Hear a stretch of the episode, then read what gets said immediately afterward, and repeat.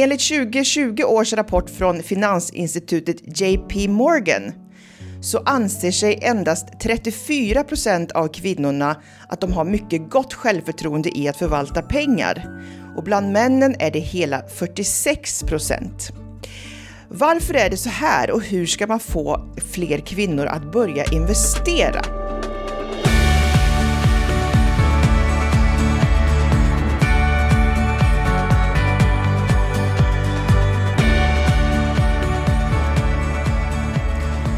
Varmt välkommen till Shoppa Lagom-podden Anna Brännhult. Tack så jättemycket, jättekul att vara här. Kul att ha dig här. Hur mår du idag?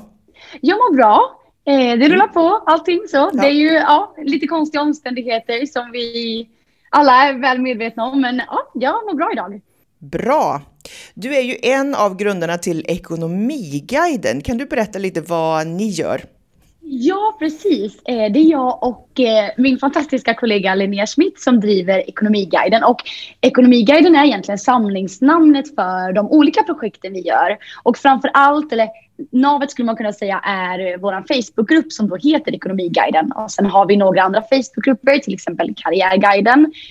Samlat i de här grupperna så är det ungefär 80 000 kvinnor som diskuterar om en privatekonomi, karriär och allting som rör det här. Så och ut, utöver Facebookgrupperna så har vi då nyhetsbrev, eh, vi håller lite föreläsningar och eh, ja, men deltar i sånt här och så som är runt omkring. Så det är Ekonomigarden. Jag har kollat på era Facebookgrupper och det är otroligt eh, stort engagemang, många medlemmar. Mm. Hur, hur kom det sig att ni började och hur började ni? Det började egentligen Linnea var med och moderera eh, Facebookgruppen Ekonomista och eh, de behövde lite hjälp och då kom jag in i bilden där och sen så um, ja, blev det helt enkelt, vi startade vår egen grupp sen för att kunna ja, göra det vi ville med gruppen och utveckla det på det sättet som, eh, som vi skulle vilja att gruppen var. Så då föddes Ekonomiguiden och det är genom där nu då som vi har fortsatt och ja, men tillsammans. Vi brinner väldigt mycket för just kvinnor och ekonomi eh, och vill fortsätta på den bollen och utveckla ja, men så, mycket, så mycket vi bara kan. Mm. Och ni är också författare, två böcker. Ja, precis. Författare känns väldigt stort. Men ja, två böcker har vi skrivit. Eh, så den ena heter Ekonomiguidens lilla bok om privatekonomi. Så där ja, men diskuterar vi just grunden i privatekonomi med buffert och budget och varför ska man spara. Och sen eh, andra boken som kommer nu eh, i december 2020 innan jul där så mm, den handlar istället om, om investeringar specifikt. Så då går vi igenom lite mer fonder och aktier, att analysera aktier, bygga upp en portfölj för sina investeringar. Ja, det, har, det har varit jätteroligt. Mycket jobb men fantastiskt kul. Och framför allt när man får all feedback, att det är så många som är glada och eh, ja, men har lärt sig mycket av boken. Och den första boken har bland annat använts i, inom skolan eh, för att lära Aha. unga om privatekonomi. Och det tycker vi är fantastiskt roligt. Det förstår jag. Grattis till eh, framgångarna då, får jag oh, säga. Ta tack, stort tack. Men har du alltid varit intresserad av privatekonomi och investeringar, eller hur började det här intresset? Eh, ja, alltså så länge jag kan minnas så har jag varit intresserad av ja, men, ekonomi och pengar i alla fall. Jag sålde alltid mycket jultidningar när jag var liten och tyckte verkligen att det var jätteroligt. Och så här, ja, men, kämpade mig, klättrade upp för den här trappan för att eh, få så bra premier som möjligt. Eh, och har alltid liksom, ja, men ifall jag fick pengar i present eller i julklapp så ville jag gärna spara dem på hög liksom, i min byrålåda. Ovetande som att det kanske hade varit bättre att investera pengarna. Men i alla fall, jag tyckte om att liksom samla dem och ja, men inte inte kanske spendera dem det första jag gjorde. Um, så alltid intresserad på det sättet och har jag minns så väl när jag var liten och tittade, mamma och pappa tittade på nyheterna. Så då, på den tiden i alla fall, så rullade det så aktiekurser högst upp i rutan och så stod det ju då hur det hade gått under dagen. Och då var jag så tydligt minne av att jag tänkte att det där ska jag förstå mig på en dag. För jag förstod att man kunde nog tjäna ganska mycket pengar på det. Och det var ju någonting som eh, drillade mig liksom. Så um, ja, så, så blev det. Så eh, jag lärde mig lite mer om aktier under, eh, under gymnasiet. För då pluggade jag ekonomi. Och sen pluggade jag vidare till civilekonom. Och då bestämde jag mig att när jag börjar plugga ordentligt där så ska jag också börja köpa mina första aktier. Och sen har det bara rullat på för det är ju en fantastisk värld. Så det är en stor hobby för mig. Ja. Vad är det som gör att ni tycker det är så viktigt att eh, upplysa folk om investeringar och privatekonomi? Alltså, jag tänker att ekonomiskt självförtroende eller hur man känner kring sin ekonomi det påverkar sin vardag så otroligt mycket. Alltså oron och stress över pengar är ju liksom, det lägger sig som en våt filt och så ska det inte behöva vara. Och det, det, behöver inte heller vara så svårt att spara lite pengar, antingen på ett sparkonto eller om man köper två stycken fonder som man tycker om. En, en svensk fond och en global fond kanske. Att det, behöver, det, det skapar mycket ångest för folk och det är så onödigt. Och jag och Linnea har ju och Ekonomiguiden då mycket fokus på kvinnor och riktar oss framförallt mot kvinnor. Och kvinnor har ju, så precis som du sa i inledningen, lägre oftast förtroende för sin egen ekonomiska förmåga. Och eh, det är jätteonödigt och man behöver få mer ekonomiskt självförtroende och det behöver inte vara så svårt. Sen, sen kan man ju göra det svårare om man väljer att ha aktier eller andra om certifikat och så som en hobby. Men just att känna sig trygg med sitt sparande och sin ekonomi och känna kontroll. Det behöver liksom inte vara raketforskning. Nej, varför tror du att det är så att kvinnor har sämre självförtroende i pengainvesteringar? Ja, oh, jag tycker det är en svår fråga, men jag tycker det är väl min egen lilla hobbyanalys, men att kvinnor kan ha själv, sämre självförtroende inom olika delar, alltså generellt tycker jag, för det är samma när det kommer till löneförhandling, att kvinnor kanske i mindre utsträckning liksom begär en viss lön eller liksom trycker på, utan man är nöjd med det man får och så till skillnad, det är min upplevelse i alla fall, att män är lite bättre på att, eh, att pusha på där och vara hårdare. Så ja, men kanske lite en genomgående känsla att man är lite mera mjuk liksom. Och det blir nog lätt då att man ja, men tar ett steg tillbaka. Och att man bygger upp att saker ska vara så svårt. Och någon rapport som jag har läst då är att kvinnor gärna vill ha väldigt mycket information innan man väl tar ett beslut.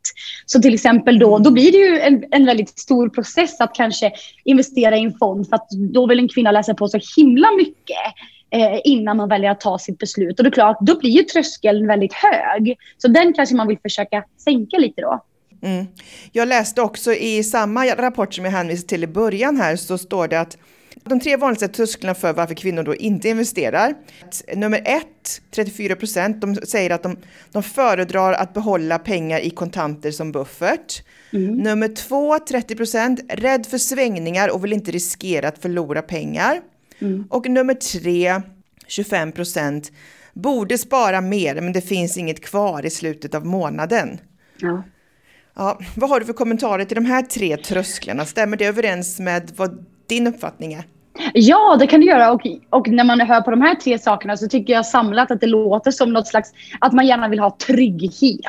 Eh, att det ska vara så tryggt som möjligt. Man vill inte ta någon risk. Och där tror jag att vi behöver vara bättre på att lära ut kring risk. Och, och det är mycket det vi försöker göra, att just förstå att risk, det låter så himla laddat och farligt. Och det låter som att pengarna kommer försvinna. Att det kanske är en procents chans att de kommer öka i värde. Men det är inte riktigt heller så det fungerar. Sen att investera på börsen är absolut en risk. Men du tar också en i mina ögon kanske minst lika stor risk genom att ha pengarna på ett sparkonto för sett till inflation och så, så är det garanterat att du blir av med pengar om du låter dem ligga där och inte växa till sig. Och ifall om man går till jobbet och jobbar varje dag för sina pengar, varför ska då inte pengarna jobba för dig? på, ja, men i fonder eller så. Men det låter ju samlat tycker jag det låter som att man vill gärna ha trygghet. Men det kan ju vissa gånger vara falsk trygghet för att ett långsiktigt sparande behöver absolut inte vara så jätteriskfyllt. Och det ger ju dig möjliga, möjlighet att få en bra pension till exempel. Då är det egentligen en mm. större risk att låta dem inte växa på ett sparkonto, vilket kommer ge dig en sämre pension. Så det blir mm. nog lite, alltså en tankevurpa, lite falsk trygghet kanske, att lägga allting på ett sparkonto. Mm. Ja, dels så är det ju inflation som du säger, men just nu och så har det ju varit länge att vi har ju nästan minusränta på, eller ja. vi förlorar pengar och har dem på sparkonto. Ja, ja, precis, man får ingenting för det. Förr kunde man ju ändå få lite grann, kanske någon, någon procent och så, men nu, många banker har ju noll procent i ränta på, på vanliga sparkonton. Mm. Men vad tycker du eh, är det största misstaget som folk gör då när det gäller sin privatekonomi? Att vara lite vårdslös med sina pengar kanske. Att man inte ser så mycket vad de faktiskt är värda liksom. Och att man, om man spenderar utan att tänka efter. så mycket. Ett exempel som Linnea ofta tar upp och som vi har med i vår bok, det är det här att ifall du till exempel tittar på en tröja eller en jacka eller en ny dator kanske, eller vad som helst. Att fundera på hur många timmar det faktiskt tar dig att att jobba ihop den här jackan. Liksom. Ifall, det, ifall det är två arbetsdagar, men är du lika sugen på det då? För oftast ser man det bara som pengar någonstans här uppe. Eh, men att man kan översätta det i, i annat, som till exempel då arbetstid. Smart. Ja, ja det, det exemplet gillar jag. Och för en som är lite mer eh, om en aktienörd eller tycker det är roligt med börsen och så. Jag brukar ibland kunna omvandla det till om vi säger att jag vill köpa någonting för tusen kronor eh, som kanske är lite onödigt. Och då ska, kan jag gå in på en sån här ränta på ränta kalkylator eh, som man enkelt kan googla fram och så till exempel skriva då vad de här tusen blivit med om jag hade investerat dem istället och vad hade det blivit om 15 år. Då är ju jackan väldigt mycket dyrare. Eh, för det är faktiskt det som är alternativet. Antingen jacka nu eller ett sparande som kan växa. Och då blir den här jackan väldigt mycket dyrare. Eh, eller så. Ja, bra. Du, du sätter lite käppar i hjulet för dig själv så att säga. ja, precis. För konsumtionen, för hjärnan. För man vill ju gärna ha belöning nu. Det vet jag Elin Hellander pratade om i ett tidigare avsnitt som ni har här i den här podden. Ja, man vill ha belöningen här och nu. Man har väldigt svårt för att se den längre fram. Så antingen genom att ja, men, titta på arbetstid eller då att det faktiskt blir väldigt mycket mer pengar längre fram. Mm. Men om man då tillhör en av de här kvinnorna då med lågt självförtroende och eh, man vill ha trygghet, ska man börja med att spara eller ska man börja med att konsumera mindre? Förstår du skillnaden här vad jag menar? Ja, ja, ja det, det gör jag. Eh, och jag tänker kanske helst av allt att det ska gå lite, lite hand i hand. Eh, men framförallt så, alltså genom att bara till exempel spara det första man gör när man får sin lön. Och så sätter man undan de pengarna och kanske gärna ifall man har svårt, vissa sätter över på ett sparkonto i samma bank och då blir det kanske lätt att man för, för tillbaka med pengarna. Kanske mer sätta över det till en annan bank ifall det är en bättre lösning för dig. Eh, och på så sätt blir det också lite mindre konsumtion. Men jag skulle nog, ja det är svårt egentligen. Det var en intressant frågeställning tycker jag. Just minskad konsumtion eller mer spara. Ofta går det ju hand i hand men just jag tror ändå att ett sätt att vilja få lite mer eh, koll på sin ekonomi det är kanske att börja gå igenom sina konsumtionsmönster. Att följa, till exempel göra budgetuppföljning. Att då följa om man tar sitt kontoutdrag och ser vad har jag köpt den här föregående månaden. Och då automatiskt tror jag man ser att det blir mycket, många bäckar små det här, det blir lite pengar överallt. Då kanske man kan trigga någon slags ökat, att man vill spara lite mer. Så att det då kommer automatiskt. Och det kan säkert vara individuellt eh, i vilken ände man vill börja på. Men eller så bara mm. bestäm dig att nu ska jag spara 10% av lönen, det ska in i en fond. Eh, och då kanske intresset ökar den vägen istället. Eh, så att man hellre vill konsumera mindre. Mm. Just det. Mm. På er hemsida så har ni ju en mm. hel del eh, bra hjälpmedel. Kan du berätta lite om dem? Ja, precis. Då har vi en webbshop med lite olika produkter där vi bland annat eh, säljer vår bok eh, eller våra böcker. Och vi har också en hel del digitala produkter. Och där har vi då till exempel en budgetmall som vi har valt att skapa just för att det är en ganska vanlig fråga i gruppen. Så här, ja, men hur gör ni med budgetuppföljning? Har ni någon bra mall? Och då valde vi att skapa en mall som vi helt enkelt tycker om. Och den är i Excel eller då Numbers ifall man har eh, Mac. Då är det en, en budgetmall med både liksom, exempel och förklaringar och sen en tom som man kan använda själv. Och vi har också till exempel en, en sparburk som, man, som är en digital då, ja, men man kan skriva ut den om man vill eller ha den på, på datorn så man liksom kan teckna och fylla i när man har sparat lite mer pengar just för att få det här visuella. Mm. och liksom, ja, men lite en, en säljutmaning har vi och li, lite andra såna olika produkter för ja, men för att trigga igång sparande och också då lite inriktat på vad man är för, för person och vad som är svårast för en själv. Mm. Jag tyckte det var jättebra produkter som ni har där faktiskt. Åh, oh, vad roligt! Det. Ja. Mm. Ah, tack! Ja, tack så mycket! Ehm, men som sagt, ni har ju då närmare 80 000, eller kanske över 80 000 medlemmar i lite olika Facebookgrupper som ni har. Ja. Vad brukar de vanligaste ämnena vara? Mm. Ja, det blir ju mycket, mycket privatekonomi då, framförallt i Ekonomiguiden. Eh, och då kan det vara alltid, en ganska vanlig är ju det här, jag vill börja spara eller jag vill börja investera, köpa fonder. Var börjar jag? Ja. Så det är väldigt mycket sånt att man vill komma igång och sådär. Eh, annars är det faktiskt stor variation på inläggen tycker jag, för det är en ganska vanlig fråga. Vilken är den vanligaste frågan? Eh, men jag tycker ändå att det är väldigt spritt och, och också det kan gå lite i, i cykler. Att vissa omgångar som nu i januari sådär kan det vara mycket fokus på att spara, spartips och hur man förhandlar och så. Och i andra vågor, det beror väl också på vad kvällstidningarna trycker för information och sånt. Just att just i vissa lägen kan det vara mer så här, vad tycker ni om Fingerprint? Då, då blir det väldigt, på en helt annan nivå. Så ja. väldigt blandat, vilket jag tycker är, är roligt. Men mycket så här, man vill komma igång och många som vill ha hjälp med att um, till exempel dela med sig av sina, det här är mina elkostnader och vad jag använder för leverantörer. Vad har ni och vad har ni för priser? Och samma sak med ränta. Jag har den här banken och den här räntan. Vad har ni? Och så hjälper man andra för att peppa så att fler kan liksom ringa och, eh, och förhandla ner sin ränta. Mm, bra. Och är det någon skillnad på vart de här människorna befinner sig i Sverige? Eh, ja, det är det absolut. Det är stor spridning, men spridningen följer ganska mycket alltså hur det ser ut i Sverige i stort. Så vi har flest medlemmar i Stockholm, sen kommer Göteborg, sen Malmö och sen liksom de mindre orterna. Så det, eh, eller det är väldigt likt fördelat så som Sverige är fördelat befolkningsmässigt. Ja. Och ja, det är också det, jag och Linnea jobbar ju mycket på det här digitala, att vi gärna vill finnas digitalt och likadant ifall vi Innan hade vi lite fikor och sånt där före corona, men nu jobbar vi lite mer med det här digitala formatet och hur vi ska kunna få fram lite kanske kurser och så. Um, för att kunna nå ut till alla, för det är lite det som vi jobbar för. Jag, jag bor ute, eller mitt kontor här ligger ute på landet. Så här sitter jag och in, inte i någon storstad. Eh, Linnea bor i Danmark. Så det är just det här att alla, ja, men vi vill vara så inkluderande som möjligt. Att alla ska kunna vara med utan, utan att man ska, inte ska behöva bo i en storstad. Mm. När, när blir nästa kurstillfälle? Vet du det?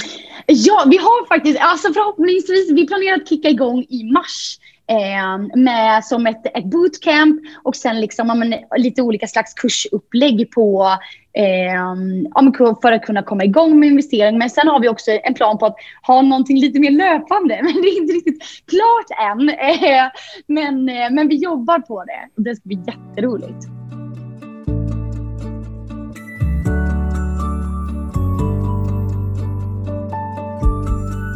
om man nu ska komma igång med att spara då, mm. vart ska man börja? Vad är tumregeln? Eh, just bara om man tänker sparande generellt, då tycker jag just det här, alltså när du får din lön, sätt undan pengarna direkt. För annars, man, oftast spenderar man ut efter vad som finns på kontot, eller det är så det fungerar oftast för gemene man. Så ifall du då redan från början tar bort en del av det så kommer inte de pengarna finnas att spendera. Och sen just när det kommer till nästa steg, kanske vad man ska spara i, så tycker jag att man börjar med att eh, skapa sig en buffert för oförutsedda händelser bilen går sönder, en diskmaskin går sönder, eh, fem tänder går sönder som behöver lagas eller vad som helst. Så man har en buffert och sen kan man då börja med det här lite långsiktigare sparandet. Och kanske spara till pensionen eller till eh, om en drömboende eller en resa.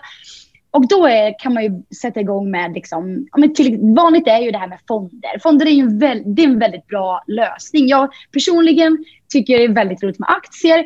Men oftast när jag pratar så här så förespråkar jag gärna fonder för jag tycker att det är ett fantastiskt upplägg. Man får en bra riskspridning och det är enkelt att söka upp. Och då är det helt enkelt att välja en bank som man vill investera via. Det kan vara någon av storbankerna eller någon mer nischbank eller så. Sen välja kontoform och då är ju ISK, eh, investeringssparkonto, kanske det vanligaste som eh, folk startar upp sparande på idag. Och sen då helt enkelt söka upp någon fond. Och det finns ju mängder av fonder, men antingen mm. kan man söka information på olika, till exempel fråga i vår Facebookgrupp om tips på fonder. Eller liksom, om man söker Morningstar, en hemsida som jag tycker mycket om där man kan söka på fonder. Då. Det finns ju mycket, alltså det finns väldigt mycket fonder eh, som man kan ta del av och eh, som ger dig en bra utveckling. Liksom. Mm. Har du någon sån här tumregel på hur mycket man bör spara av sin nettoinkomst? Eh, jag tycker att det här riktmärket på 10% är, ja, men jag tycker det är en bra, eh, ett bra riktmärke för då blir det av och det är ändå inte, ja, men det är ingen jättestor del av ens inkomst men i många gånger så blir det ändå lite summor. Eh, så att man ändå ska kunna ja, men dels ha, göra de nöjena man vill men också spara lite för framtiden. Så det tycker jag är ett bra riktmärke men sen helt enkelt anpassa efter sin egen situation. Vissa kan ju spara mer och vissa mindre. Men att komma ihåg med tycker jag är viktigt att ofta tänker man så här att det blir lättare sen. Om man kanske studerar säger vi. Då tänker man att ah, men sen när jag börjar jobba, då, då kommer jag kunna spara. Och sen när man väl börjar jobba, då kanske jag köper en lägenhet. Och så behöver man lite till den. Och då tänker man, ja men sen, sen när jag är klar med det här och Eh, klar med liksom att investera i lägenhet eller köpa saker till lägenheten och sen när jag har fått högre lön, men då, då kan jag spara. Men då kanske någon, man råkar skaffa barn, eller råkar, men nej, man skaffar barn. Och då, ja, men då tycker man ju, de har ju ännu mer utgifter och det blir svårare att spara. Och då tycker jag att 10% är bra för att om en 10% om man får CSN, då blir det en mycket mindre del. Och sen när du väl börjar jobba, då kommer det ökas på lite grann när man får en lön. Så det liksom följer ju hela tiden mönstret. Mm. Men det är viktigt det här med procent tror jag, och inte en summa. Ja. Nej, ja, jag håller verkligen med. Sen såklart man får anpassa, liksom. men många gånger kan man ju skruva lite på sina utgifter, eh, mer än vad man tror. Mm, mm. När du konsumerar, hur tänker du då? Eller vad är det du lägger pengar på? Ja, eh, jag kan nästan ha lite problem åt andra hållet faktiskt. Jag tycker att det är så, aktier eh, och fonder också är min hobby. Så att det blir, som andra kanske tycker om shopping så tycker jag om att köpa en ny aktie. Eh, det blir liksom samma, samma trigger som går igång tror jag. Så jag konsumerar väl så lite som möjligt. Um, men det jag faktiskt, eller det jag ändå lägger pengar på, det är jag tycker om mat. Uh, inte så mycket uteluncher. Som sagt, min kontor ligger ju på landet och det vi har här är en pizzeria. Så uh, ja, det, det, är klart att det blir någon pizza ibland. Men, uh, men inte så att jag lägger jättemycket på uteluncher. Men gärna att jag prioriterar maten jag köper i affären. Att jag gärna köper god mat, jag köper gärna ekologiskt, mycket bär och sådär. Så det är saker jag lägger på också. Men jag tycker om vin. Eh, jag köper inte jättedyra viner, men jag tycker om att ta ett glas på fredagen och ett glas kanske på lördagen eller så. Och kanske på tisdagen. Och... Ja, ja, faktiskt inte. Men, eh, men det är någonting som jag tycker är gott. Och det är klart att det hade blivit mycket billigare ifall jag hade valt att bara dricka vatten istället och aldrig köpt en vinflaska. Men så det är väl framförallt de två grejerna som jag lägger pengar på. Lite teknik mm. med kanske. Det kan jag tänka mig att jag lägger ja, lite pengar på. För det vill jag ändå ha så, här, så att saker och ting funkar eh, och så. Mm. Så kanske sådana saker. Att jag är nog mer benägen att alltså, spendera lite mer kopplat till mitt företag då till exempel. Där kanske mycket tekniken ingår med dator och sådär. Och program liksom. Då är jag nog mer benägen att använda pengarna på det än, än till exempel köpa kläder. Liksom. Mm. Bra. Vad, vad är dina tre konkreta tips till någon som vill börja investera? Mina tre konkreta tips är att eh, skaffa sig en bank som man vill investera via. Och det kan till exempel vara någon av nischbankerna. Det tycker jag blir extra aktuellt när man, är, man just vill investera kanske i aktier eller fonder. För de har väldigt användarvänliga hemsidor och det är enkelt att söka upp aktier och får en fin portföljutveckling. Och då har vi ju till exempel eh, Avanza Nordnet eller Aktieinvest. Nummer två är då att välja en kontoform, till exempel ISK som man schablonbeskattar så det blir smidigt vid deklarationstillfället. Och nummer tre, det är när man ska välja då aktier eller fonder. Läs på, sprid dina risker. Det är de två som jag verkligen tycker är viktiga när det kommer till att välja aktier. Att vilket bolag är det som du investerar i? Se till att du vet vad de gör, eh, vad de pysslar med. Säljer de till privatpersoner eller företag? Och sen då att köpa många, om det kommer till aktier, aktier i olika branscher, som verkar i olika branscher, som riktar sig till olika personer eller företag och, och så. Bra. Hur har du själv lagt upp din portfölj? Eh, jag har, eh, på min huvudbank så har jag mina fonder. Så de ligger som en liten botten, en grund så att säga. Eh, det tycker jag känns bra för att jag ändå, även om jag tycker väldigt mycket om aktieinvesteringar så tänker jag ändå att det finns, eh, över tid så kan det absolut finnas folk såklart som jobbar med det här på daglig basis som är mycket bättre än jag på det här. Så då har jag fonder som en grund och sen eh, hos eh, två olika nischbanker så har jag mina aktier. Eh, blandar lite vad ska man säga, högt och lågt. Jag har delvis sådana här lite större företag som kan tänkas vara lite mer stabila, kanske till exempel ICA mm. eh, eller Investor som ju är ett investmentbolag. Men också till exempel Fortnox som är lite mer tillväxtbolag eh, ja, men med hög tillväxt som kan tänkas ge lite mer avkastning då. Så mm. det, där är jag, ja, men försöker få till en uh, bredd liksom. Sen har jag lite, lite alternativa investeringar upp till det med lite uh, guld och så. Är du inne någonting på kryptovalutor? Jag har investerat i både bitcoin och i ethereum. Eh, men jag ska säga det att jag är inte eh, jätteinsatt. Jag har absolut läst på för det är något som jag tycker är viktigt så man vet vad det är man eh, håller på med. Men det är en mindre summa och mest som en krydda och för att jag vill vara med liksom Eh, jag tycker det är lättare att hålla sig uppdaterad ibland när man väl investerar i någonting. Det är lättare att hänga med. Så det var mest som en rolig grej. Det var just kopplat till exempel kanske till ja, men det här med att köpa jacka versus investera pengar. Så var det faktiskt så att nu i vintras så insåg jag att ja, jag kan ha min jacka som jag hade förra året och som jag också hade för förra året. Där sparar jag kanske ja, men, tusen kronor i alla fall på vinterjacka. Så de eh, pengarna bland annat valde jag att eh, lägga då i just eh, en investering i kryptovalutor. För det är pengar som jag räknar med att jag kan bli av med. Det är ingen fara ifall de stupar rakt ner i backen. Och eh, alltså därför valde jag att göra så istället för att köpa en ny vinterjacka. Det är bra också. Ja. Och det kanske man ska tänka på när det gäller hög och lågriskaktier. Ja, framför allt tycker jag att man ska tänka på hur mycket tid som man vill lägga ner. Om du vill sitta med det här och följa upp dina aktier ofta och kanske är väldigt intresserad, läser nyheter dagligen eller i alla fall på veckobasis så kan man absolut satsa på lite aktier med lite högre risk och lite högre, alltså att, och högre volatilitet, att det svänger väldigt mycket i aktien då krävs det ju, eller tycker jag i alla fall, att man ska kunna just följa upp sina aktier, eh, se så, vad som händer i företaget. Ifall någonting dåligt händer så ska man kunna liksom ta action på det och kanske sälja ifall man vill. Om man vill vara aktiv så absolut kan man skruva upp risken lite grann. Och, men ifall man vill vara väldigt långsiktig och kanske bara titta om vi säger en gång i kvartalet. Och det, generellt tycker jag väl att om man ska investera i aktier så är min åsikt i alla fall att man bör hålla koll på dem lite grann. Kanske inte bara köpa och helt glömma bort. Eh, som man säger, man vill hålla sig uppdaterad kanske en gång i kvartalet sam samtidigt som de släpper kvartalsrapporter.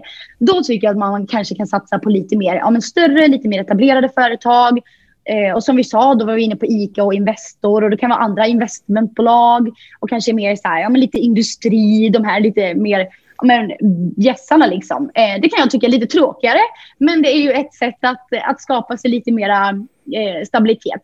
Då är det ofta så att större, de ger ju inte lika mycket kanske avkastning, men eh, då skruvar man ju ner risken lite grann. Mm. Kör du helt digitalt, det vill säga du kan fixa dina äh, aktieaffärer själv via någon depå på internet eller hur gör du? Ja, eh, mm. så jag använder både Nordnet och Avanza. Så det är smidigt att bara liksom klicka på. Jag brukar säga det till mina kompisar som kommer igång eller andra då som är Facebookgrupper. Alltså det är inte svårare än att klicka hem en tröja på nätet. Och till och med lättare skulle jag nästan vilja säga. För man har ju sin depå, man har pengarna där om man har satt in dem tidigare. Så det är ju bara Alltså egentligen att söka upp en aktie och klicka på köp smidigt. Och de som jag väl har när man har coachat någon till att starta upp och kanske köpa sin första aktie, att det är ju den första reaktionen. Men gud var det så här enkelt? Just att köpa. Sen ska man, inte, sen ska man ju såklart helst ha gjort en analys på ett annat vis med vad man vill köpa. Men just själva köpprocessen, att den inte alls behöver vara så svår. Bra. Så Nordnet och eller Avanza är bra tips från dig då? då. Ja, det är de två som jag tycker om. Eh, som, ja, men då får man just det här jättefin portföljöversikt. Ifall jag köper flera olika aktier så kommer de på en liten fin rad. Det står kursutvecklingen, hur mycket man har eh, avkastning i pengar. Och sen framför allt så får du den här fina portföljutvecklingen som man kan se. Eh, och jämföra till exempel med hur börsen går generellt.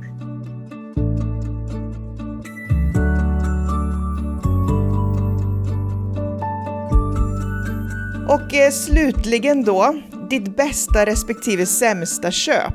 Jättesvår fråga. Mitt sämsta köp, det kan jag ändå ta och koppla till aktier just för, ja, men kanske vad man kan tänka på. Det var i början, eh, jag lyssnade på mycket poddar, eller det gör jag fortfarande.